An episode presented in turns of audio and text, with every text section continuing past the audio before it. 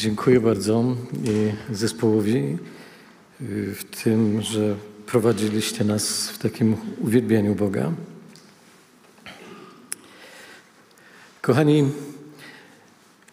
Leonard Bernstein, nieżyjący już sławny amerykański kompozytor, pianista, dyrygent, po jednym z licznych koncertów został zapytany przez dziennikarza mistrzu, proszę powiedzieć, który instrument w pańskiej wspaniałej orkiestrze uważa pan za najtrudniejszy?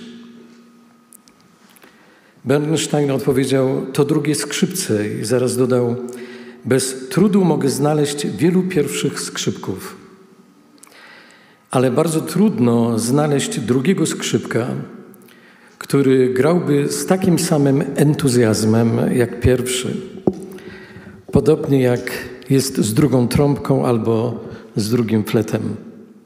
A jednak bez tego, uważanego przez nieznających się na muzyce za podrzędny instrumentu, w orkiestrze nigdy nie będzie pełnej harmonii. Kochani, chciałbym e, właśnie o drugich skrzypcach dzisiaj mówić w oparciu o tekst z listu do Filipian. To jest drugi rozdział. Ja troszeczkę tydzień temu e, przeskoczyłem, ale chcę wrócić. Rozdział drugi e, tego listu i czytam wiersze od 19 do 30. Proszę, byście śledzili za mną, powstańcie. A mam nadzieję w Panu Jezusie, że rychło poślę do Was Tymoteusza, abym i ja się ucieszył, dowiedziawszy się, co się z Wami dzieje. Albowiem nie mam drugiego takiego, który by się tak szczerze troszczył o Was. Bo wszyscy inni szukają swego, a nie tego, co jest Chrystusa Jezusa. Wszak wiecie, że jest On wypróbowany, gdyż jak dziecię Ojcu, tak On ze mną służył Ewangelii. Spodziewam się przeto, że poślę Go do Was zaraz, gdy tylko zobaczę, co ze mną będzie. Pokładam zaś ufność w Panu, że i sam wkrótce do Was przyjdę. Uznałem jednak za rzecz konieczną posłać do Was Epafrodyta, brata, współpracownika i współbojownika mego, a Waszego wysłannika i sługę w potrzebie mojej, bo zaiste tęsknił do Was wszystkich i bardzo się smucił, dlatego że słyszeliście, iż zachorował, bo rzeczywiście chorował tak, że był bliski śmierci. Ale Bóg zmiłował się nad nim, a nie tylko nad nim, lecz i nade mną, abym nie miał smutku za, za smutkiem. Dlatego tym śpieszniej posłałem go, abyście wy, ujrzawszy go, uradowali się znowu, a ja, żebym miał mniej smutku.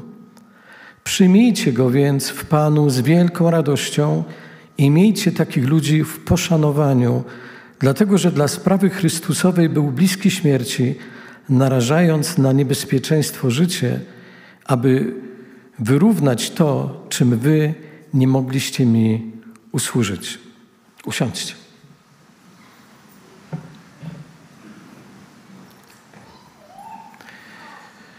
Kochani, takie króciutkie podsumowanie, takie resume. Wiemy, że Paweł pisze swój list będąc w więzieniu. Pomimo, że miał możliwość spotkania się z ludźmi, z pewnością czuł się samotny, odłączony od swoich bliskich, oddanych mu osób. I to pragnienie kontaktu z innymi wybrzmiewa między innymi we wszystkich listach, które Paweł pisał z więzienia, dlatego zwanych więziennymi. I są to dla przypomnienia list do Efezjan, do Kolosan, do Filemona, czy wreszcie do Filipian. I Pawłowi bardzo zależało, by mieć stałą więź ze zborami, które założył. Dziś praktycznie miałby nieograniczone możliwości. Jeśli tylko miałby zasięg, posłałby wiadomość mailem, zamieściłby na WhatsAppie, na Messengerze czy innych komunikatorach. Jeśli mniej zależałoby mu na, na czacie, na, na czasie, nie na czacie, tylko na czasie, mógłby wysłać zwykły list. Chcę się odnieść do tych, którzy są bardzo, bardzo młodzi. Y, pamiętacie jeszcze tego rodzaju formę korespondencji? W czasach Pawła istniała jednak tylko jedna możliwość komunikacji na odległość. Wiadomość trzeba było posłać przez posłańca. Oczywiście musiał to być ktoś zaufany. To nie mógł być byle kto. Paweł miał takie dwie osoby. Pierwszą był Tymoteusz i drugą był Epafrodyt. I kochani, przyjmij, przyjrzyjmy się im nie tylko w celu pogłębienia swojej wiedzy, ale przede wszystkim, by z ich postawy zaczerpnąć inspirację, zachętę do naszego życia. Popatrzmy na Tymoteusza. Był chyba ukochanym przez apostoła spośród wszystkich jego współpracowników. Króciutkie tylko takie przypomnienie. Pochodził z Derbe albo z Listry. Bibliści nie mają pewności. Wszystko mieści się w Azji Mniejszej. Listra stanowiła rzymską kolonię w ramach prowincji Galacja. Współcześnie miasto to leży na terenie Turcji. I to tam Paweł i Barnaba spędzili sporo czasu na y, podróży i uzdrowili żebraka chorego od urodzenia. 16 rozdział praktycznie dziejów apostolskich, ale konkretnie opisuje y, tę historię 14 rozdział. Mieszkańcy Listry są pod wielkim wrażeniem i uznali w pewnym momencie Pawła i Barnabę za bogów. Barnabę okrzyknęli Zeusem, najwyższym bóstwem greckiego panteonu, natomiast Pawła uznali za Hermesa, posłańca i za rzecznika Zeusa. I zamierzają, jeżeli pamiętacie przekaz Łukasza z 14 rozdziału, zamierzają złożyć im ofiary ze zwierząt. I Paweł i Barnaba przerażeni chcą wyprowadzić mieszkańców Listry z błędu i nie dopuścić do tego, żeby oddawali im cześć. Tymczasem do Listry przybyli z Antiochii z Ikonium przeciwnicy misjonarzy, nastawili tłum przeciwko nim, także i Paweł w pewnym momencie zostaje ukamionowany, nie daje znaków życia. Praktycznie wszystkie te wydarzenia świadczą o tym, w jak dużym stopniu mieszkańcy byli przesiąknięci grecką kulturą. Jak się dowiadujemy, ojciec Tymoteusza był Grekiem. Ten fakt, że Tymoteusz jako dziecko nie został obrzezany, wskazywałoby na to, że praktycznie wychowywano go w greckiej kulturze pogańskiej.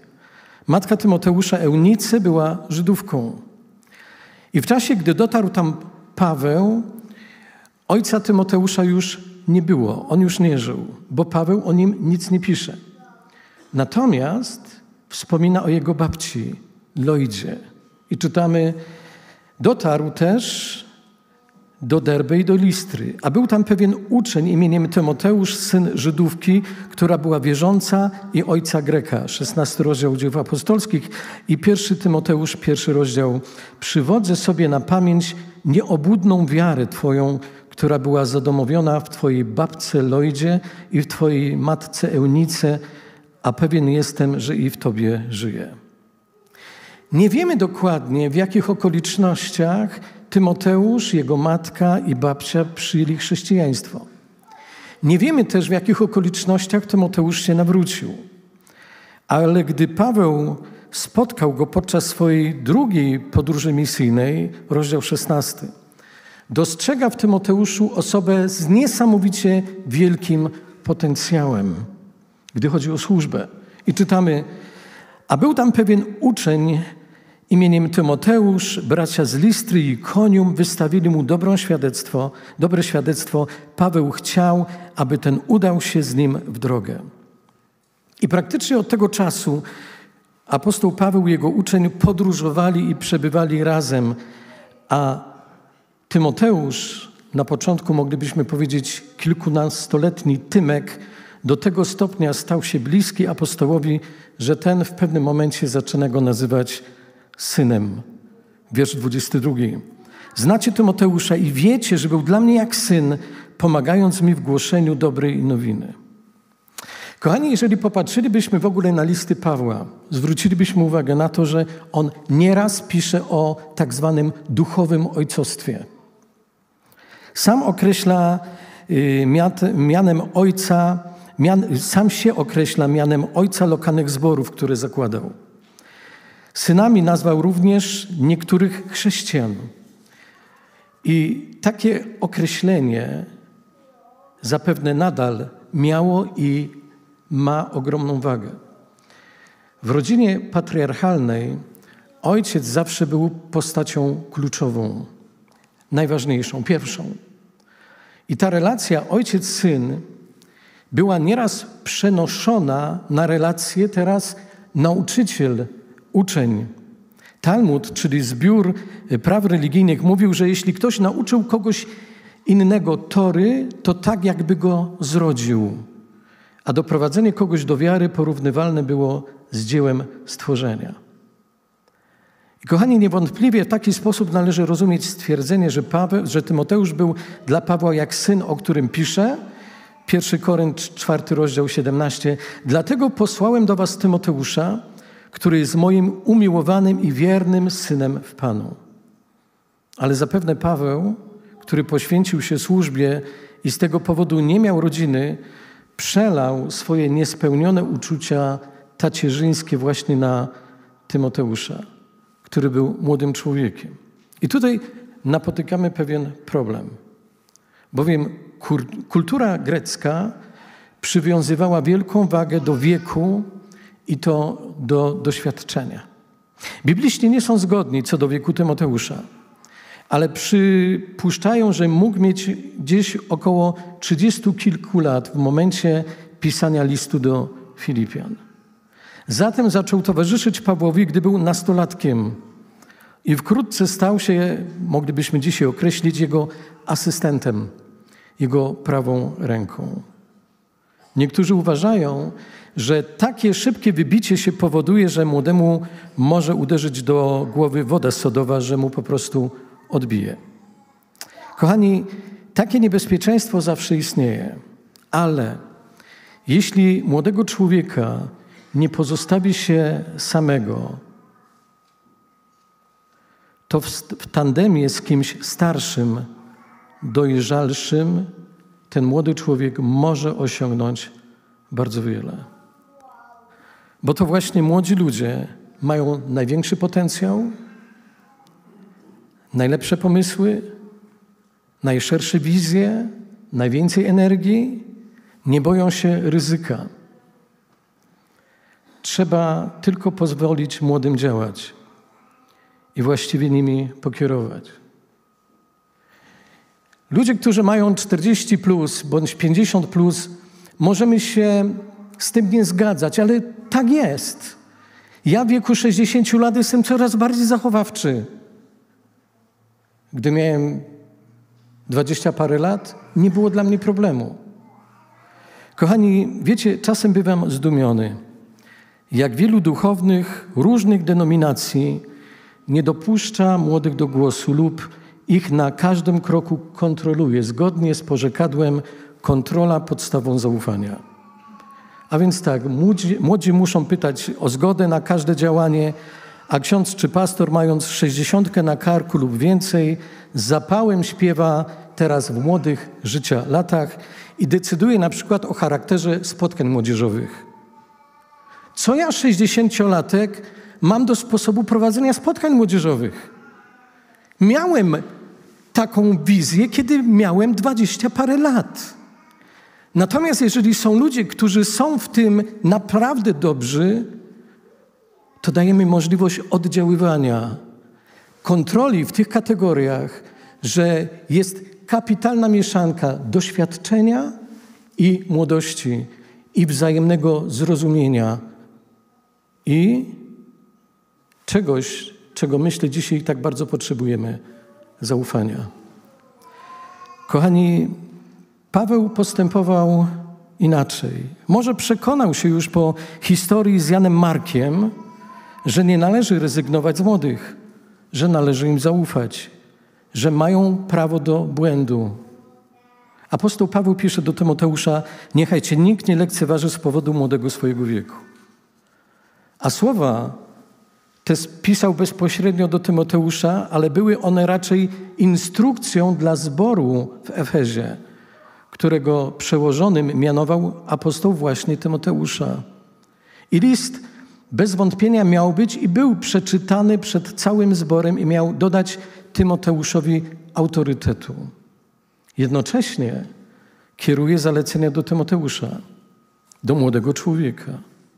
Bądź dla wierzących wzorem w postępowaniu, w miłości, wierze, w czystości. Dopóki nie przyjdę, pilnuj czytania, napominania, nauki. Nie zaniedbuj daru łaski, który masz, a który został Ci udzielony na podstawie prorockiego orzeczenia przez włożenie rąk starszych. Oto się troszcz, w tym trwaj, aby postępy Twoje były widoczne dla wszystkich. Kochani, jak komentuje najnowszy przykład dynamiczny, Tymoteusz nie spełnił wszystkich pokładanych w nim oczekiwań Pawła, głównie z powodu słabszego zdrowia. Był też niezbyt stanowczy, wręcz zbyt delikatny, by sprostać wielu zadaniom misyjnym, na przykład, by przywrócić porządek w zborze w Koryncie, ale do tego zboru chyba tylko Paweł miał dość siły. Natomiast Tymoteusz miał inne dary. Przede wszystkim miał dar zachęcania i niesienia pomocy i wspierania. I to nie tylko chodziło o relacje z apostołem Pawłem, ale w stosunku do innych chrześcijan. Paweł pisze między innymi w kontekście Filipian: Nie mam drugiego takiego, który by się tak szczerze troszczył o Was. Kochani, są różne style przywództwa. Czy to w świecie, w życiu świeckim, czy w kościele. Niektórzy przywódcy sprawiają wrażenie, że żyją tylko po to, by ich podziwiano i chwalono. Odnosi się wrażenie, że ich firma czy kościół istnieje i rozwija się przede wszystkim tylko i wyłącznie dzięki ich talentom. Natomiast Postawa taka była obca Tymoteuszowi, który żył dla Filipian i był automatycznie zainteresowany ich dobrem. To tyle w kontekście Tymoteusza, ale mamy drugą postać, która również była wielkim zachęceniem dla Pawła, a także innych wierzących. Epafrodyt.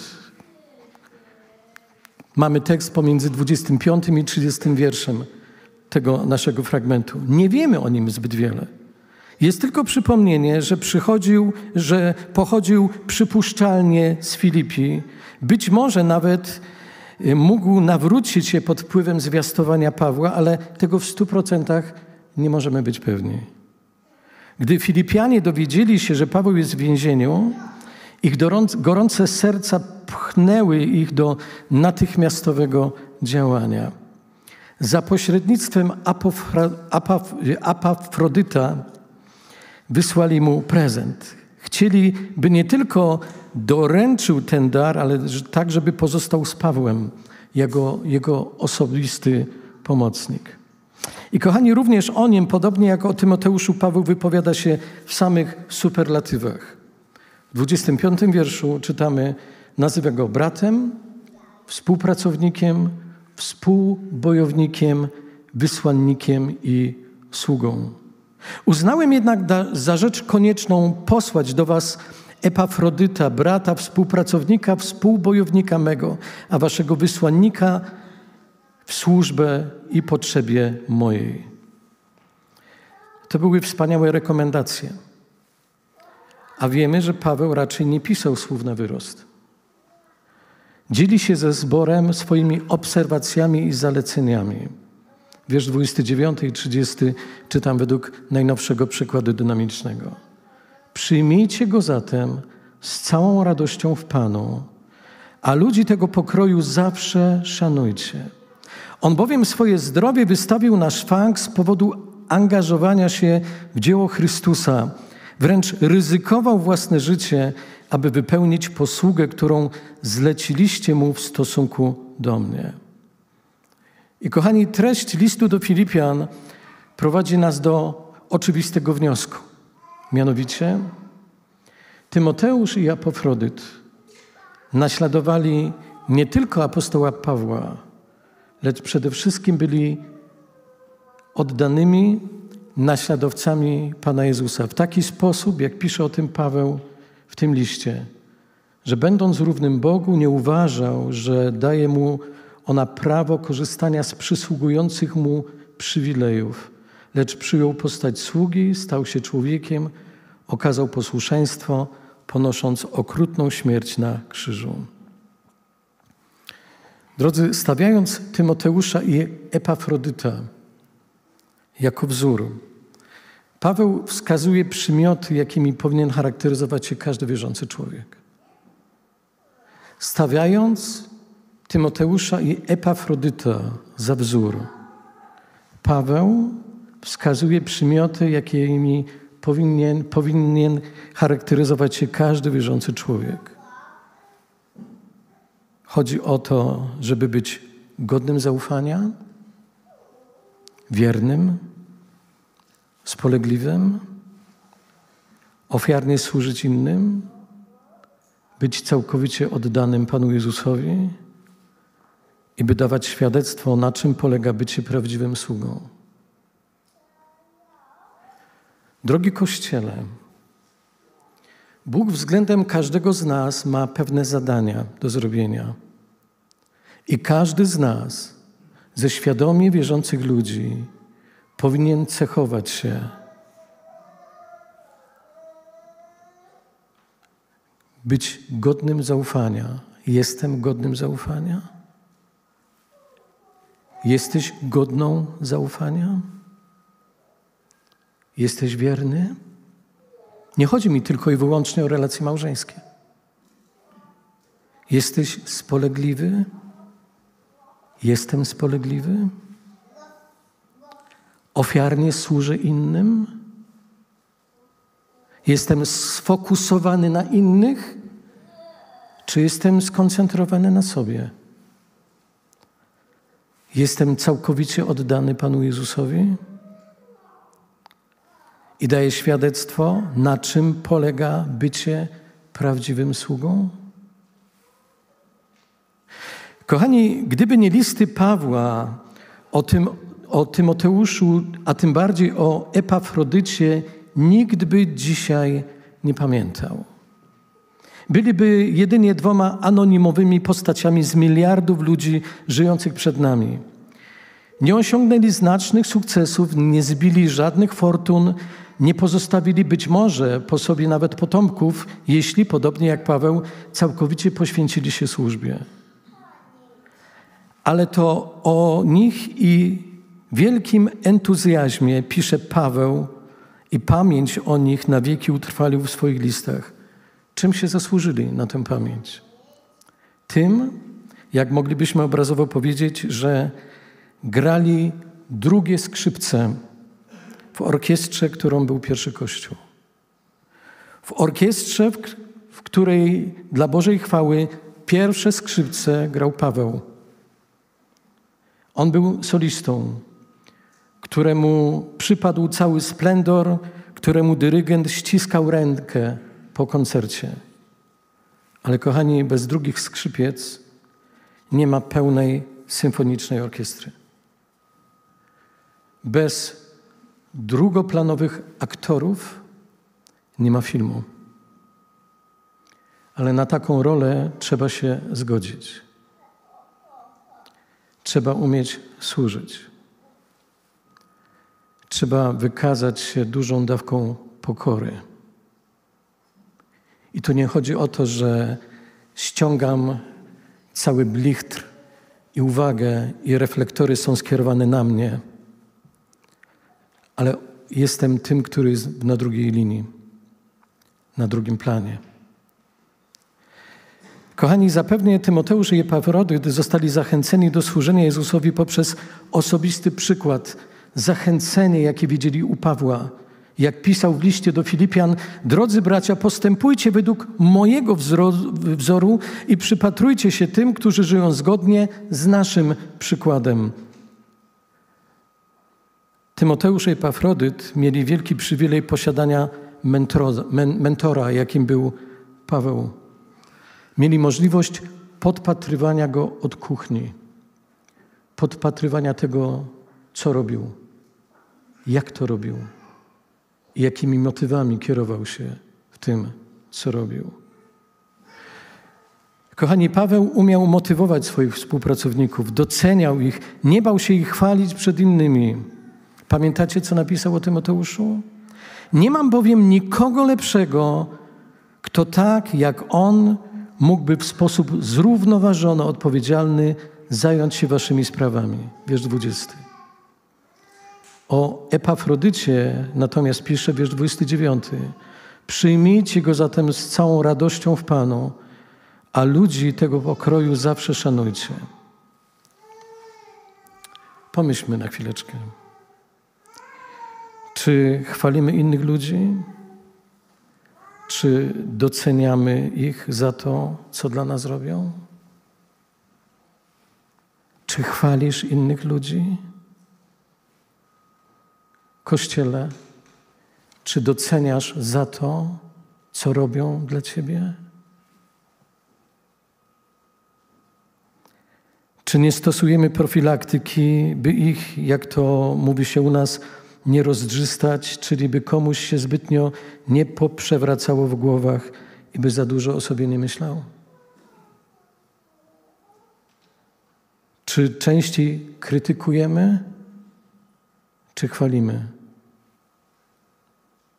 Pomyślmy, czy przypadkiem w tej materii nie mamy jakichś sporych zaległości do nadrobienia. Kolejną cechą wyróżniającą Pawła, widoczną w tym liście, jest wdzięczność i okazywanie. Paweł był przede wszystkim Bogu wdzięczny. Wiersz 27 pisze, że Bóg zmiłował się nie tylko nad Epafrodytem, ale także i nade mną, Pawłem. Bibliści przypuszczają, że to Paweł go uzdrowił, przecież miał ten dar i uzdrawiał ludzi. Paweł był wdzięczny również ludziom, bardzo jestem wdzięczny i uwielbiam Pana, że znowu mnie wspomagacie. Wiem, że zawsze staraliście się posyłać mi tyle, ile tylko było to możliwe. Tylko wy, Filipianie, mieliście udział w moich dochodach i wydatkach. Żaden inny zbór nie włączył się do tego. Rozdział czwarty, tłumaczenie słowo życia. Paweł był wdzięczny także Tymoteuszowi i Epafrodytowi za ich współpracę i ofiarną służbę. Wyrazem wdzięczności Pawła było to, że starał się sprawić radość najpierw Filipianom, posyłając do nich i z powrotem Epafrodyta możliwie jak najszybciej. Potem zapowiedział wysłanie Tymoteusza, którego zbór Filipi dobrze znał. Wreszcie Paweł znajdował radość z radości innych. I chciałoby się zapytać, jak wygląda okazywanie wdzięczności w naszym życiu? Jak wygląda okazywanie wdzięczności w moim, w Twoim życiu? Czy jesteśmy Bogu wdzięczni? Czy potrafimy być wdzięczni Bogu, gdy chodzi o innych ludzi? Wreszcie trzecią cechą, oczywiście moglibyśmy ich wymieniać jeszcze bardzo wiele, była naturalność Pawła, jego normalność, moglibyśmy powiedzieć zwyczajność. Paweł, apostoł wybrany przez samego Boga, nie wywyższał się i potrafił pozostawić, pozostawać w normalnych relacjach z ludźmi, bez względu na to, czy byli to jego bliscy współpracownicy, czy szeregowi członkowie zboru, czy ludzie wykształceni, czy byli ludzie prości. Jak ci Filipi, których często nazywa braćmi umiłowanymi, którzy, jakbyśmy kontynuowali obrazowo, grali drugie skrzypce. Paweł był normalny, nie wywyższał się przed innych. Był skromny, był normalnym człowiekiem. Dla niego nie grało roli, z kim rozmawia odnośnie wykształcenia. Był w stanie się dopasować do poziomu. Natomiast był kimś zupełnie zwyczajnym. Kochani, ci, którzy grali obrazowo drugie skrzypce, a może tylko zamiatali scenę, może tylko przepisywali nuty, a może tylko układali krzesła. albo zwijali kable po nabożeństwie, albo odwiedzali, odwiedzali ludzi. Jeśli więc sądzisz, że i tak Twojego głosu nie słychać w orkiestrze, że i Ty tak nic nie znaczysz, to chcę Ci powiedzieć, że się mylisz. Nawet jeżeli Twojego głosu nie słychać w orkiestrze, to sama Twoja obecność sprawia, że mówimy wtedy o pełni. Zacząłem, kochani, muzycznie i tak też będę chciał skończyć. Ponoć słynący z poczuciu humoru wielki kompozytor Józef Haydn postanowił coś zrobić, by publiczność nie zapadała w drzemkę podczas jego koncertów. W drugiej części symfonii G-dur, zatytułowanej z uderzeniem w kocioł, najpierw uśpił słuchaczy delikatną, coraz ciszej graną melodią, po czym niespodziewanie ich obudził mocnym akordem z jednoczesnym uderzeniem w kotły. Pomysł okazał się skuteczny i od tej pory słuchacze już nie zasypiali na koncertach Józefa Haydna. Może więc właśnie Ty od dzisiaj okażesz się takim kotłem i obudzisz tych, którzy duchowo śpią. Dałby Pan i modlę się o to, żeby tak było. Niech każdego z Was Bóg błogosławi. Amen. Będziemy się modlić.